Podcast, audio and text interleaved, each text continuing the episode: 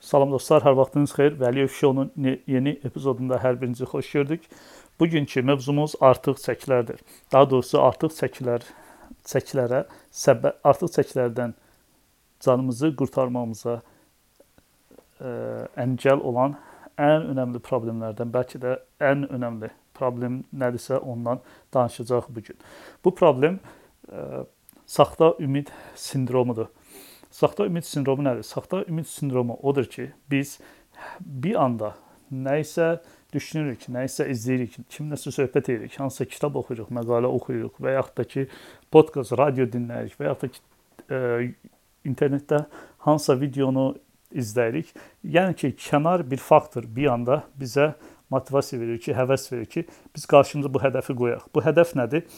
Ə, hansısa ə, bir fiziki formaya çatmaq, hansısa bir fiziki görünüş əldə etmək, nə qədərsə bəlli bir miqdar kilo atmaq və ya və yaxud da ki, bəlli bir miqdar əzələ toplamaq.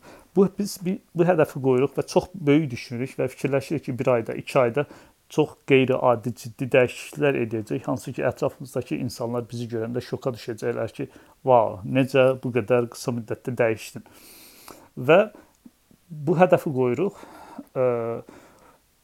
bununla yanaşı biz bu hədəfi qoyarkən, bu qərarı verərkən bizdə çox böyük motivasiya olduğu üçün beyindəki dopamin axışı da artır və biz həm də istəyirik ki, çox qısa müddətdə bunu əldə edək və hədəfi qoyuruq, başlayırıq o hədəfə əl çatmaq üçün nələr eləmək lazımsa onu edək ki, zala yazılırıq. Hansısa idman ayaqqabılar al alırıq ki, qaçacağıq və yeriyəcək hər gün ə, 10 min addım misal üçün və yaxud da ki ə, e, hansısa bir ə, e, supplement alırıq, protein ə, e, tozu alırıq və s. və axır. Yəni ki, nələrsə eləyirik. Amma qısa müddət sonra, bir neçə gün sonra, bir həftə sonra, 10 gün sonra, 15 gün sonra, nə isə, yəni ki, qısa bir müddət sonra biz reallıqlarla üzləşdikdə, reallıqlarla üzləşdikdə deyəndə nəyi nəzərdə tuturam?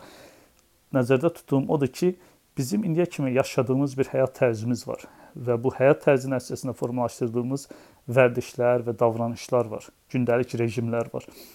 Bizdən tələb olunur ki, biz o hədəfimizə çatmaq üçün bunların tam əksini edək və yaxud da ki, bunlara yox deyək. Və biz bunlara bir neçə dəfə yox desək də, buna hər gün artıq yox deyə bilmirik və qısa bir müddət sonra əvvəlki həyat tərzimizdə isə ona görə ona qayıdırıq. Yox deyə bilməmizin səbəbi nədir? Bu çox əhəmilidir. Bunu vurğulamaq istəyirəm. Yox deyə bilməməmizin səbəbi bizim iradəsi zəif, heç bir zaman özümüzü dəyişə bilməyəcək bir insan olmağımız deyil. Xeyr, bizdə iradə də var, potensial da var, istedad da var, bacarıq da var. Səbəb odur ki, biz o qədər çox böyük düşünürük ki, qısa müddət buna görə də qısa müddətdə o qədər çox şey yox deməliyik, o qədər çox davranışı vərdişi dəyişdirməliyik ki, o hədəfimizə çataq. Bu isə hardakı, hardasa sadəcə bizim üçün yox, bütün insanlar üçün qeyri-mümkündür.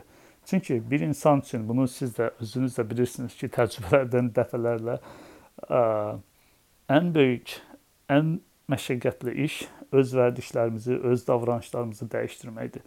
Və buna görə də köhnə dəyişdirə bilmirik. Köhnə həyat tərzimiz dəyişsə də qısa müddətdə olur və köhnə həyat tərzimizə geri qayıdırıq və bir müddət sonra təkrar eyni bir hədəf qoyuruq, eyni proses təkrarlanır. Yenə uğursuz oluruq. Qaldığımız, başladığımız yerə geri qayıdırıq və bu belə təkrarlanır. Bu başlama təkrarla, təkrarlama prosesi olduğu üçün e, buna saxta ümid sindromu deyirlər. Yəni ki, ümid eləyirik ki, çox qısa müddətdə çox qeyri-adi dəyişikliklər əldə edəcəyik. Yəni oturub real, realist olmuruq.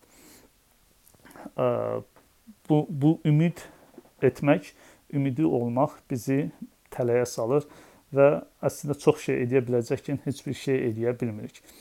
Mən uzun ə, e, müddət öncə bir bloqumda məqalə yazmışdım. Mütləq səfər üçün 3 müqavilə. 3 bu 3 müqavilə nədir? Bunu burada tətbiq edə bilərik. Yəni ki, bu cür hədəflər seçərkən saxta ümid sindromuna bəs necə edək ki, saxta ümid sindromuna belə deyək də qurban getmək. Ona görə biz özümüzə, iradəmizə, hədəflərimizə deyil də özümüzə bu yanaşmamızı dəyişməliyik. Yəni ki, düşünməməliyik ki, e, məndə iradə yoxdur, mən məndə alınmayacaq, dəfələrlə cəhd etmişəm Yəni ki, dəfələrlə cəhd etmisən, amma alınmayıbsa, səbəbi səndəki hansısa potensial, istedad, bacarıq azlığı deyil.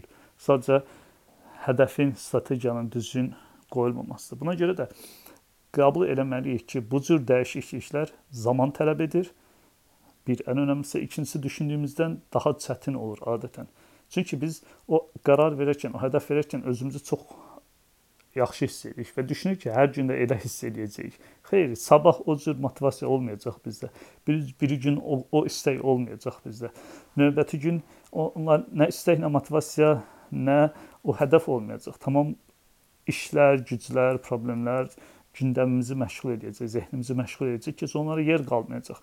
Ona görə də yanaşma bu olmalıdır ki, bəli mən bunu istəyirəm, əldə etmək istəyirəm, bu dəyişimi həyatımda reallaşdırmaq istəyirəm və bu mənim üçün mümkündür də, edə bilərəm. Sadəcə mən addım-addım gedəcəyəm, az-az gedəcəyəm. Yəni 1-2 ayda dəyişdirməyi hədəfləməyəcək, düşünməyəcək. Ə, yəni məqsəd o olmayacaqdır. Birinci o vurğuladığım yazımda da ki, üç müqavilə budur ki, birincisi qəbul edəcək ki, bu mənim düşündüyümdən daha çətin olacaq. İkincisi odur ki, bu mənim düşündüyümdən daha çox vaxt alacaqdır. Üçüncüsü odur ki, odur ki, bu ikisinə baxmayaraq mən yenə də bunu bacararam. Mən yenə də bunu edə bilərəm və bacaracağam.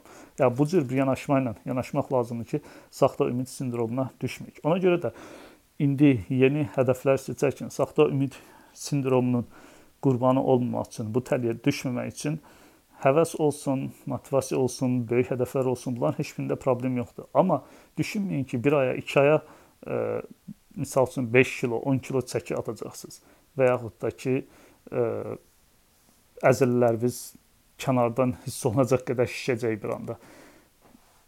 Yəni bu cür yanaşdıqda özümüzü saxta ümid sindromunun tələsinə salmaq, salmış oluruq biz yanaşmamız bu olacaq ki, başlayıram, bu yolda olacağam, addım-addım davam edəcəyəm və uzun müddətli bir yolda olacağam. Yəni hədəf əgər biz bu yeni rejimi həyat tərzimiz halına gətirsək, o nəticə onsuz da ki, avtomatik olaraq özünü həyatımızda göstərəcəkdir. Ona görə də problemimiz potensial, istedad, iradə, bacarıq deyil. Para problemimiz sadəcə səbirdir. Yəni ki, səbirsiz yanaşırıq. Başqa bir problem də buna səbəb olan başqa bir problem də budur ki, e, bu ingiliscədə immediate gratification deyə bir şey var. Yəni ki, bizə bizim dilimizə tərcümə etdikdə hər halda belə tərcümə etmək olar ki, dərhal əldə etmək istəmək. Yəni hər şey biz indi e, bir anda, çox qısa zamanda Amazon Prime-dən nəsə sifariş edir kimi əldə etmək istəyirik ki, çox tez gəlsin, çox tez həyatımızda olsun, amma bu belə deyil, bu belə işləmir. Kaş işləyərdi, çox əla olardı, amma belə işləmir. Zəhmət çəkmədən, tər tökmədən, əziyyət çəkmədən, ə, nələrsə fədakarlıq etmədən, yeni nələri həyatımıza daxil etmədən bu cür hədəflərə çatmaq mümkün deyil. Ona görə də bundan sonra yanaşmanı dəyişin ki, nəticədə alsın və əminəm ki, əgər bunu etsəz, nəticədə alacaqsınız. Uğurlar. Bu epizod əgər düşünürsünüzsə ki, faydalıdır və ya tanıdığınız kimlərəsə faydalı olar, paylaşın onlarla da daha çox insana çataq, daha çox insana kömək edək. Əgər növbəti epizodlarda hər hansı bir mövzuda ə, sizə maraqlıdırsa, o mövzuları yaza bilərsiniz. Mən də əgər bacarsam o mövzularda da epizodlar paylaşacağam. Növbəti epizodda görüşənə qədər hələlik sağ olun.